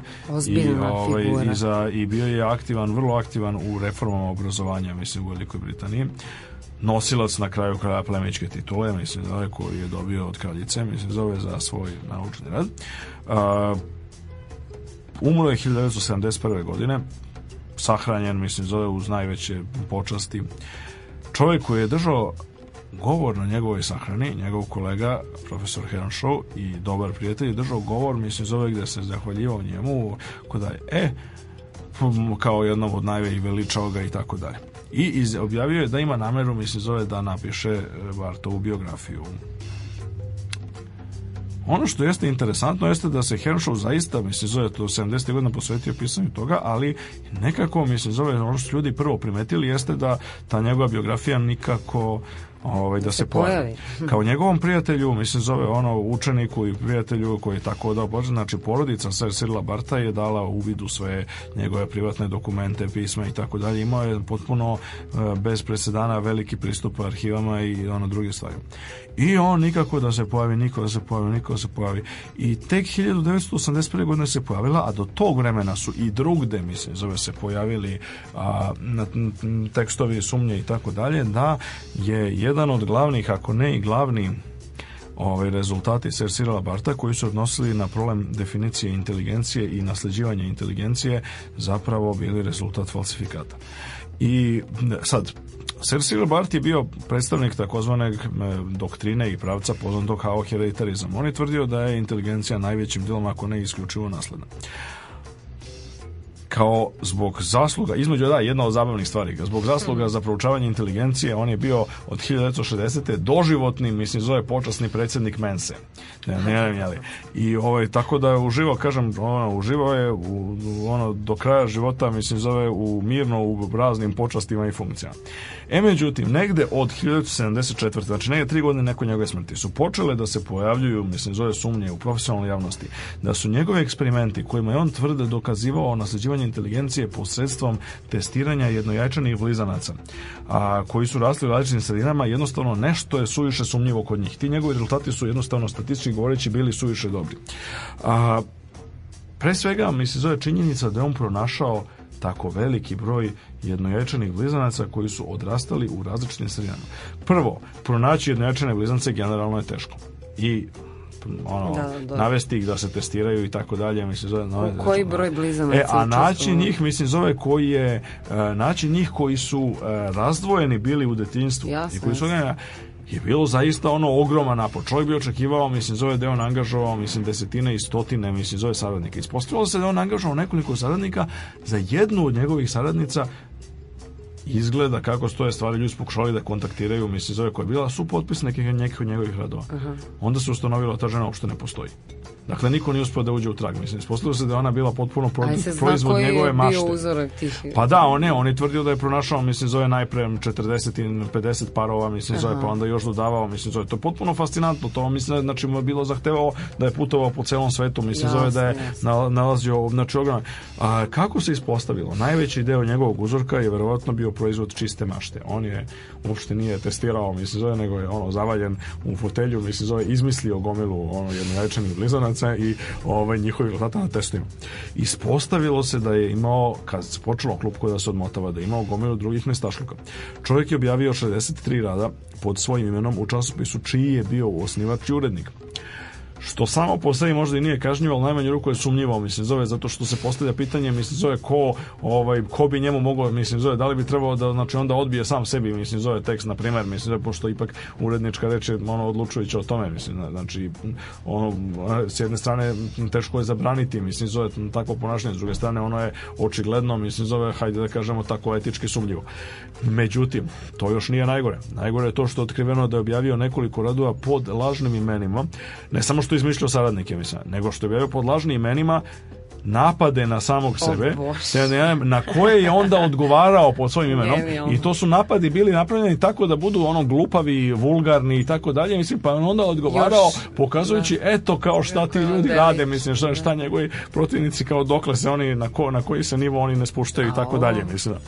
Dakle, 1981. godine konačno izašla Henshova biografija, a, se, a, Cyril Barth, Psychologist, mislim, zove koja sadrži posebno u zaključku, mislim, zove jedan ono šokantan š, mislim ima šokantan ono zaključak ono rezime toga on je rekao kaže jeste Sir Cecil Barrett je bio kao značajan kao psiholog ali ispitivanje ravno ono ispitivanje dakle celokupne celine evidencije nam ukazuje mislim zove da je po mnogo čemu bio i psihopata i da. ovaj, i dakle ovaj ono što je interesantno jeste da on da pitanje da je on imao strahoviti uticaj na koncept IQ-a mislim da i ovaj znači pitanje nasleđivanja IQ-a mislim zove koje je on zagovarao tako snažno i dan danas sa nama. Ono je izvor brojnih zloupotreba. Ono je, dakle, utiče na ljude na najrazličitije načine, mi se zove. Dakle, šta pošto, kaže o njegovom Pošto su se ovaj, pa ne, radi se o tome da jednostavno je, e, dakle, on je insistirao na tome da je da je IQ zaista merilo mentalnih sposobnosti i da je uglavnom nasledno da je shodno tome razlike koje postoje za ukazuju na realne, mi se zove razlike, recimo na nivou grupa pa i rasa mislim zove i tako dalje tako da zapravo e, on ima branilaca među ono vatrenim rasistima i dan tako danas je, da, i ovaj i ta kontroverza nije u potpunosti mislim zove nestala mada se danas mislim zove su ljudi poučeni tim iskustvom su daleko daleko oprezniji mislim zove i danas ćete retko naći mislim ozbiljnog psihologa koji tvrdi da je IQ zaista pravo merilo mentalnih sposobnosti pojedinca a to je bila jedna velika i jako jako onako šokantna afera i konačno treći primjer primer za danas, a neke ćemo, o nekima ćemo govoriti u narednoj, narednoj emisiji, je primer koji je relativno skorašnja istorija. Ovo je, znači, Barti radio tokom dugog niza godina. Znači, on je praktično, kažu ljudi, negde od ono drugog svetskog rata, otprilike pa do smrti, mislim, zove dobrih ono 30 i nešto godina se bavio falsifikovanjem, mislim, zove između, pored nekih drugih stvari koje su neosporno, koje su bila autentične, mislim, zove, on se bavio kad je došlo do ono, nasleđivanja inteligencije, to je on bio spreman na sve, mislim, zove, da bi dokazao svoje sobstvene fiks ideje. Em, međutim, ali to je, pre, to je zanimljiv primjer zato što pokazuje da ljudi u jako dugačkom kontinuitetu mogu, mislim, zove raditi takve stvari i ostati neotkriveni i ono umreti što bi reklo u krevetu, mislim, zove i da bi tek poslovno bi otkriveni. E sad, primer, jedan, ajde kažemo, donekle je pozitivniji u smislu da je to prevera koja je relativno brzo bila otkrivena, s druge strane negativniji pošto pokazuje mislim, da se desila na mestu mislim, i u nauci i u oblasti mislim, zove, koji bi to ljudi najmanje očekivali, a to je fizika, eksperimentalna fizika čvrstog stanja jeste primjer Jana Hendrika Šojena, nemačkog fizičara koji je radio u Belovim laboratorijama u Sjedinim državama i koji je u periodu između 1998. i 2001. Znači za neke nepune tri godine objavio 27 radova što je, mislim, samo po sebi šokantno. Onda još šokantnije, međutim, da ona on gotovo isključivo u Nature-u i Science-u. I sad to je interesantno u kontekstu, mislim, zove više stvari. Nature i Science uživaju mnogo visoki, visoki ugled, po meni, ovaj, i ovaj primjer to isto dokazuje, a dobrim delom nezasluženo. Zato što su to časopisi koji jeste da imaju formalno ekstremno visok impact faktor i zaista u nekim oblastima, recimo pre svega u medicinskim naukama, su tamo objavljivana sensacionalna otkrića. Ali za druge stvari, mislim, zove, to nije baš tako jasno i oni razvijaju svesno taj jedan nešto što bi se moglo nazvati kultom otkrića. A kult otkrića je vrlo opasna stvar u nauci. To je ideja, mislim, zove da se nauka sastoji od velikih i bombastičnih otkrića, revolucije i tako dalje. To je naravno potpuno pogrešno, mislim, zove nauka je 99%, mislim, zove jedan onako postepeni, težak, mučni, mislim, zove radi postepeni napredak, a ne ta vrsta senzacija koja odgovara novinarima i koja, nažalost, eto, mislim, zove predstavlja neku vrstu uredničkog uredničke filozofije i uredničkog etosa u Science i Nature. Uzre bude rečeno, mislim, zove Srpsko ministarstvo nauke, sad prosvete i nauke, mislim, zove takođe, čini istu grešku, mislim, zove kao što su činili ljudi koji su nasedali na šenove prevare, a to je da oni takođe vrednoju prilikom, recimo, ocenjivanja projekata i drugih stvari Science i Nature, abnormalno visoko, mislim, mnogo, mnogo više nego što bi to realno trebalo. A, dakle, Šen je objavio 27 radova čovjek za 3 godine u Science i Nature, čime borio sve rekorde od tadašnje i on je tvrdio da se da je u tim radima zaista on otkrio zaista neverovatne stvari. Dakle, da je otkrio pre svega visoku temperaturnu superprovodnost. Znači, superprovodnost na sobnoj temperaturi, što inače san, mislim, zove ljudi koji se bave fizikom čvrstog stanja, a boga mi elektronikom, elektroinženjera i drugih ljudi u ogromnim oblastima tehnike, pošto bi to omogućilo neslučeni napredak i neslučene uštede mm -hmm. ovaj, kada bi bilo moguće praviti um, žice, kablove i tako dalje, koji bili superprovodni na sobnoj temperaturi. Superprovodnost inače se obično demonstrira na recimo 40 stepeni iznad apsolutne nula i na 50 stepeni apsolutno znači na, na uslovima gde je neophodno hlađenje, dobro ne mora tečni helijum, ali recimo tečnim azotom na primer, dakle ekstremno skupo. E, kad bi bilo na sobnoj temperaturi to bi koštalo džabe, a pogotovo kao što je Shen sugerisao da zapravo to se može postići korišćenjem nekih plastičnih materijala. Dakle da su plastika zapravo mislim zove superprovodna e, može napraviti takva plastika i takvi uzorci koji bi bili superprovodni na sobnoj temperaturi. Ali to je bio početak. On nije se na tome zaustavio postolje. On je tvrdio da je napravio molekularni tranzistor, znači tranzistor koji je, napravio, koji je sastavljen od jednog jedinog velikog molekula. Da, da, da sećam se toga. Znači, tvrdio je mm. čitav niz drugih stvari, mislim, zove koje su bile potpuno šokantne i koje su ga dovele. Čovjek je došao na naslovnu stranu, recimo, čak i ne naučni časopisa, recimo Time magazina, na primjer, mislim, zove i nekih drugih časopisa koji su ono celebrities. Inače, ono što je bitno jeste da je on, mislim, bio jako mlad, on je to da je bio on je tek doktorirao, mislim, on je imao recimo 27 godina, mislim, zove 26-27 godina, tako dalje, ono u to doba. I on je bio slavljen kao najveći vudenkic svetsko čudo. Organizovano su tri međunarodne konferencije koje su gotovo isključivo se bavile tumačenjem i diskusijom njegovih rezultata. Znači, broj ljudi koje on uspeo da obmane, mislim, zove, bio šokantno. Nije uspeo sve. Bilo je nekih ljudi, recimo teoretičari, recimo Robert Laughlin, veliki nobitni Nobelove nagrade teoretičar iz fizike čustog stanja je rekao kad su ga, on je bio na nekom seminaru koji je davao, koji je Šen davao tim rezultatima, kad su ga posle pitali, on se vratio na, na, na, na MIT, čini mi se, da pitali su kako se čini, a, kaže, ne, on, kaže, ne znam, kaže, ne mogu mogu, kaže, da odredim tačno kao ono šta mi se tu ne dopada, ka, ali ne sviđaju mi se ovi ljudi, kaže, koji se stalno smeju i kaže, koji uvek imaju odgovor na sva pitanja. No. O, I međutim, 2001. godine počela se odmotava klub ko slučajno. Zašto? Zato što je slučajno jedna žena, mi se zove primetila da se dva diagrama, mislim zove, koja opisuju potpuno različite eksperimente u dva različita šenova rada, mislim. Imaju, znači, jedan deo Znači, kako to obično biva, on je, na primjer, merio neku struju koja prolazi kroz te, kroz te plastične. I sad ima u jednom delu signal, a u drugom delu nema signala, ali ono što ima je šum. Šum potiče od slučajnog kretanja elektrona u svakoj materiji, od toplotnog kretanja praktično elektrona i ona, mislim, zove unutar svake materije.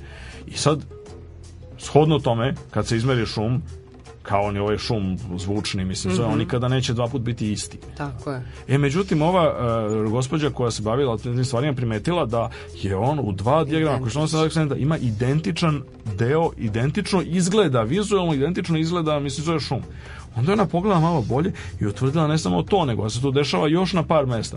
I onda je počela Somotova klub, ko mislim zove, pa je vrlo brzo su oni videli da je on čovjek zapravo najveći deo rezultata su bili potpuno izmišljeni. Znači on čak nije ni vršio eksperimente. On je jednostavno čak se zna program, mislim zove u kome koji je mm. koristio, mislim zove da bi nalupao tačke, mislim zove na grafikom potpuno bez veze. I to je bilo šokantno zaista. Znači to je, on je, okej, ok, mislim, sankcije prema njemu, mislim zove su bile relativno oštre. E, dakle, on je ne samo izgubio posao, naravno, Beloj na laboratorijama, nego su mu oduzeli i, i ovaj, doktorsku titulu, mi se zove i doktorat. A, u nekom smislu reči, eto, ovaj, e, radovi su, njegovi radovi su čak ono označeni, mogu da se nađu i dan danas u arhivama elektronskim, mislim, zove recimo na webu, ali su označeni i ono Science Nature i drugi neki časopisi koji uspio obmane su, ono, okačili su ono labele tamo koji mhm. upozoravaju da su ovi radovi zapravo povučeni, odnosno da predstavljaju, mislim, zove rezultat prevare. A, e, međutim, istraga koja je pokrenuta je bila jako velika, ali se otprilike završila sa tim, mislim zove da je on bio jedini krivac, mislim zove jedini on odgovoran za to i to na neki način predstavlja, mislim zove jednu vrstu ovaj, diskusije jedno, jednom pokrenula jednu vrstu ponašanja i postupka koja je pokrenula širu diskusiju, pošto je očigledno da su neki od odgovornih ljudi tu izbegli sankcije. Njegov mentor, mislim, zove vrlo ugledan fizičar Bertram Batlog, onda njegovi neki saradnici, ljudi koji su pristali da budu potpisani neke od radova bez da su bili sigurni autentičnost rezultata i eksperimenta, su uh, eh, izbegli sankcije. Urednici Nature Dobro, možda oni nisu, mislim, direktno učestvovali pa prevari, nisu, ali, ali, da. ali mislim zovem na neki način ja zaista mislim zaista je to onako za, za ozbiljnu ozbiljnu diskusiju ozbiljno preispitivanje u kojoj meri mislim zove je sad mislim to što oni bili potpisnici mislim zove na radovima koji su prevarali takođe baca senku mislim zove na njihov integritet nesumnjivo ovaj onda naravno urednici Science Nature koji su kako svedoči skora knjiga objavljena o tome. I sad možemo da dođemo i do toga. Naime, knjiga mm -hmm. koju preporučujemo izdavačima koje mogla da mogli da prevedu je knjiga ovaj gospođice e, Eugenije Samuel Reich pod nazivom Plastic Fantastic, odnosno mislim zove znači to, to onako gotovo neprevodiva igra reči, ali pod naslovom How the biggest fraud in physics shook the scientific world, odnosno kako je najveća prevara u fizici mislim se uzdrmala naučni svet. Tu knjigu objavio Macmillan, veliki izdavač, mislim zove 2009. godine, znači to je jako sveže i skoro.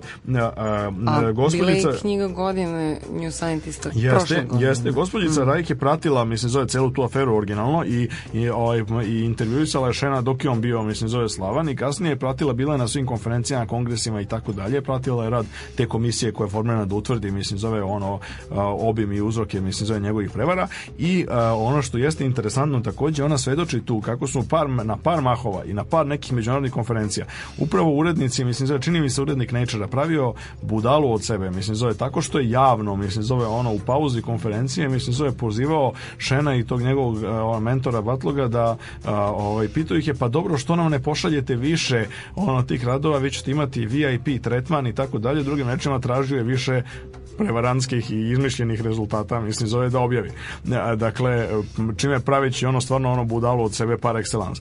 E, I ono što je, dakle, dakle sve u svemu, mislim, zove ova knjiga, mislim, je jako dobro, zato što ona podstiče u nekom smislu reči, ona naglašava da je ta priča, mi se zove o, o neetičkom ponašanju i o prevaru nauci generalno može imati najrazličitije izvore.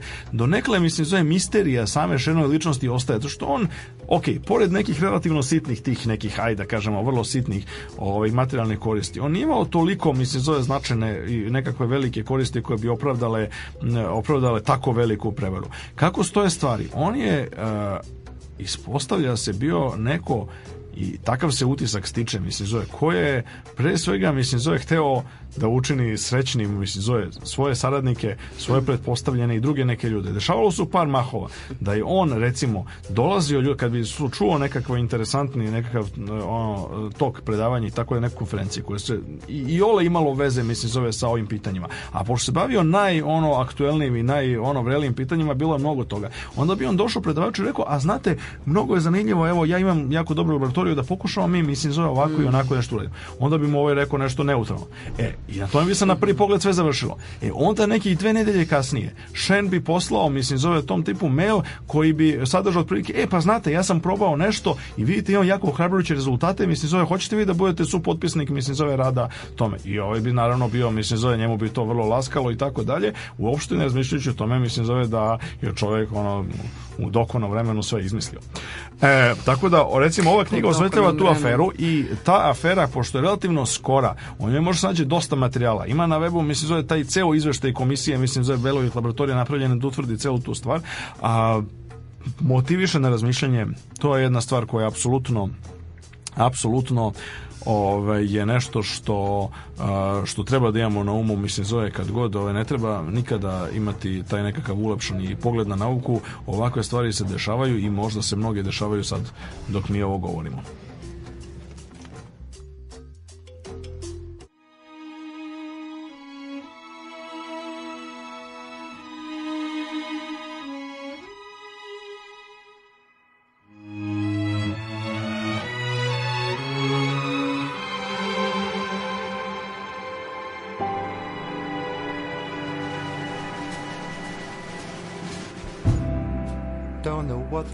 they talk about. Maybe blowing kisses, blowing names. And really, what difference does it make? Oh, oh, oh. Grandpa's coughing in the kitchen, but the strings sound good. Maybe add some flute. And how do you get the cups out? nothing there.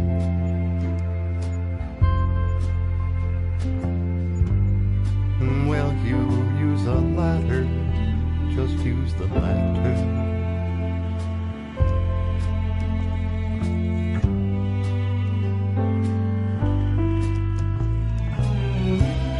seagulls just avoid talk about seagulls. They're running over some poor poor guy's harps and electric guitar is for sure. Oh, oh, oh, the young somehow they will repair. Damn dudes always crying, working under plain sight, and everything is blended, and mm, spilling over.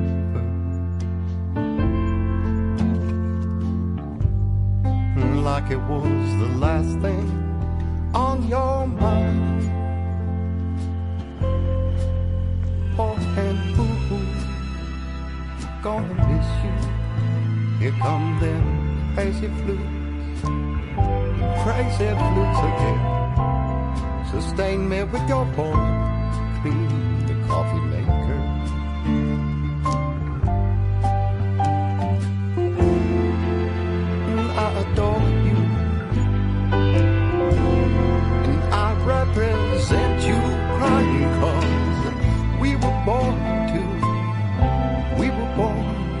to room.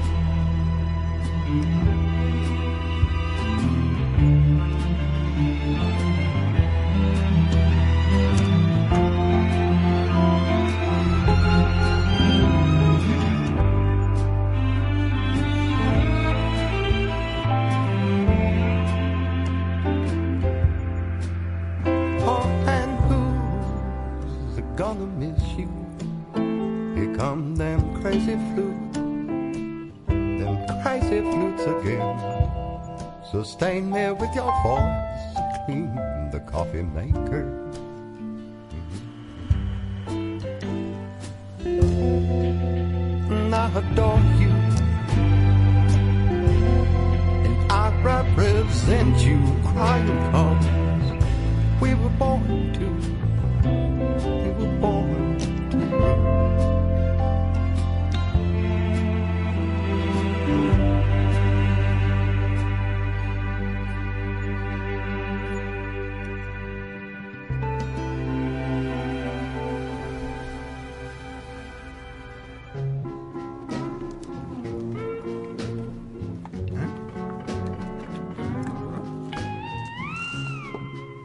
je vrlo edukativna.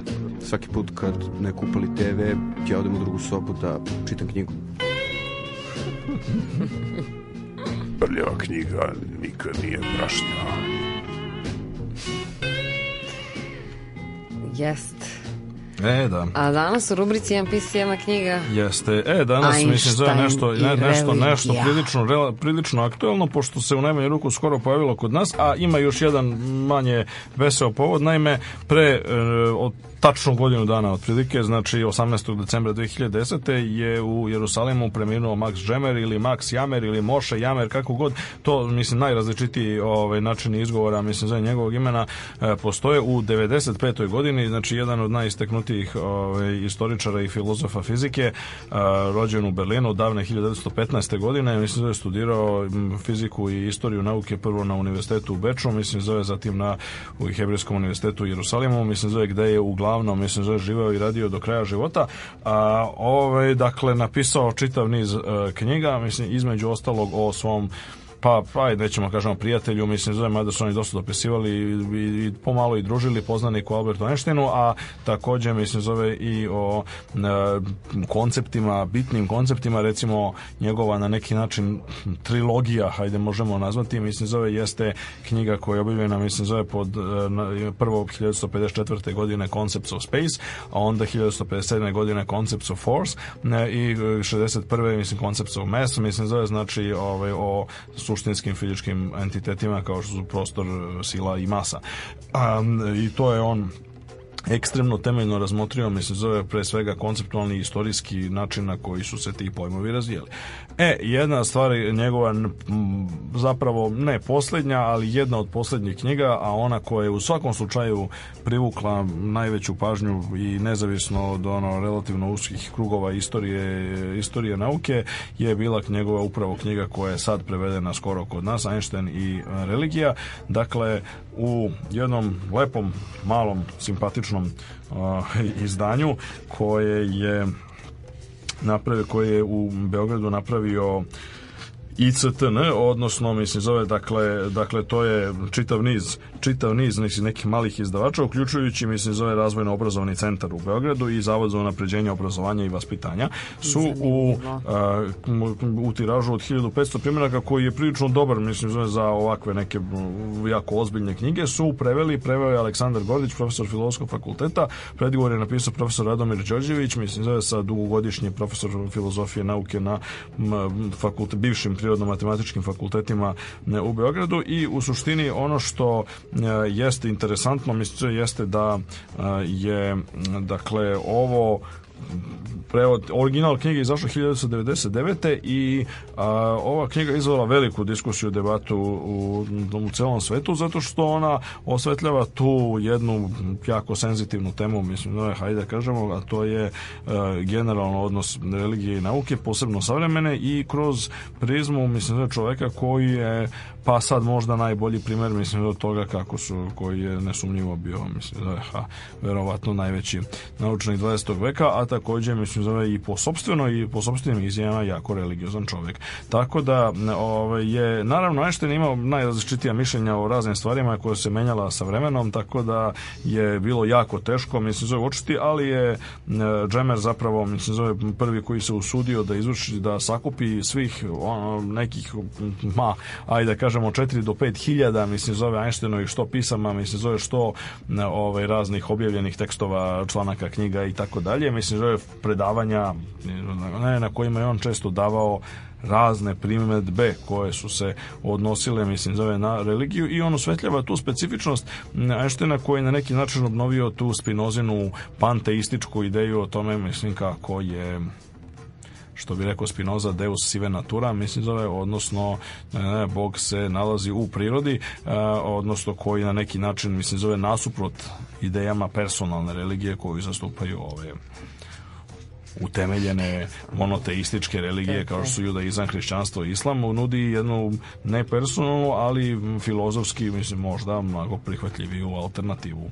I ovaj, Džemer to, mislim, zove jako, jako ovaj, fino prikazuje. Zapravo ima knjigima suštinski tri nekakva velika dela. Mm -hmm. Dakle, no, mislim, nisu to poglavlja, ali recimo, mislim, e, mogu smatrati poglavljima. Jedna je, znači, e, se tiče baš, mislim, zove nešto Einsteinove lične religioznosti i nje ulogi u privatnom životu. Onda drugo poglavlje se tiče odnosa Einsteina filozofije, pogleda na svet generalno, mislim, zove i religijskih ideja.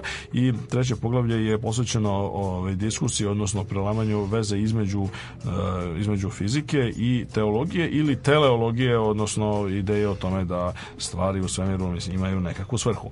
Eh, te u tom smislu reči je, mislim, Džemerov pristup je m, mm, ekstremno dobar i svako ko Jole, mislim, ne, mora, ne mora naravno razumeti sve detalje, ne mora obraćati pažnju na brojne fusnote i ceo ostali akademski aparat koji ova knjiga posjeduje, ali svako ko je zainteresovan za ta velika pitanja i velike pa na neki način mislim zove velike debate i kontroverze savremene civilizacije kao što je mislim zove dijalog nauke i religije je na neki način bilo bi učinio bi jako dobro da pročita ovu knjigu tako da za sam kraj Standardno. Ja no. malý delič Maxa Džemera.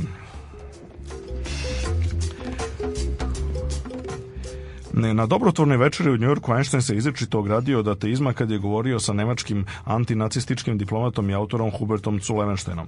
S obzirom na takvu harmoniju u kosmosu koju sam svojim ograničenim umom sposoban da raspoznam, ima još ljudi koji kažu da nema Boga, ali me stvarno nervira što me navode u podršku takvih gledišta, napisao je Einstein. Kako su pokazale kritike njegovog članka iz 1940. godine i pisma koje je dobio od ljudi koji su njemu čitali u štampi, Einsteina su sa odobravanjem navodili u podršku takvim gledištima slobodni mislioci agnostici ateisti, baš kao što su ga prekorevali pravoverni ekstremisti i fundamentalisti. Einstein je reakcije na svoj članak opisao krajnje zajedljivo. Na mene su ja lajali brojni psi koji zarađuju svoj hleb štiteći neznanje i sueverije zarad onih koji imaju koristi od toga. Onda takođe ima i fanatičnih ateista čija je netolerancija iste vrste kao i netolerancija religioznih fanatika i potiče iz suštinski istog izvora. Oni su nalik robovima koji dalje no osjećaju teret svojih lanaca koje su odbacili nakon teške borbe. Oni su stvorenja koje u svom zameranju u tradicionalnom opijumu za ljude ne mogu da nose niti čuju muziku sfera. Čudo prirode ne postaje ništa manje zato što se ne može izmeriti standardima ljudskog morala i ljudskih ciljeva. Poštovani slušalci, peta epizoda Radio Galaxy drugog serijala upravo završena. E, pa sledeće, sledećeg četvrtka slušat ćemo drugi deo, definitivno, ove glavne teme po, po, podvale i prevare u nauci a vi do sledećeg četvrtka pratite nas na Twitteru Radio Galaksija i pišite svakako na radiogalaksije.gmail.com Doviđenja, prijatno. Do slušanja.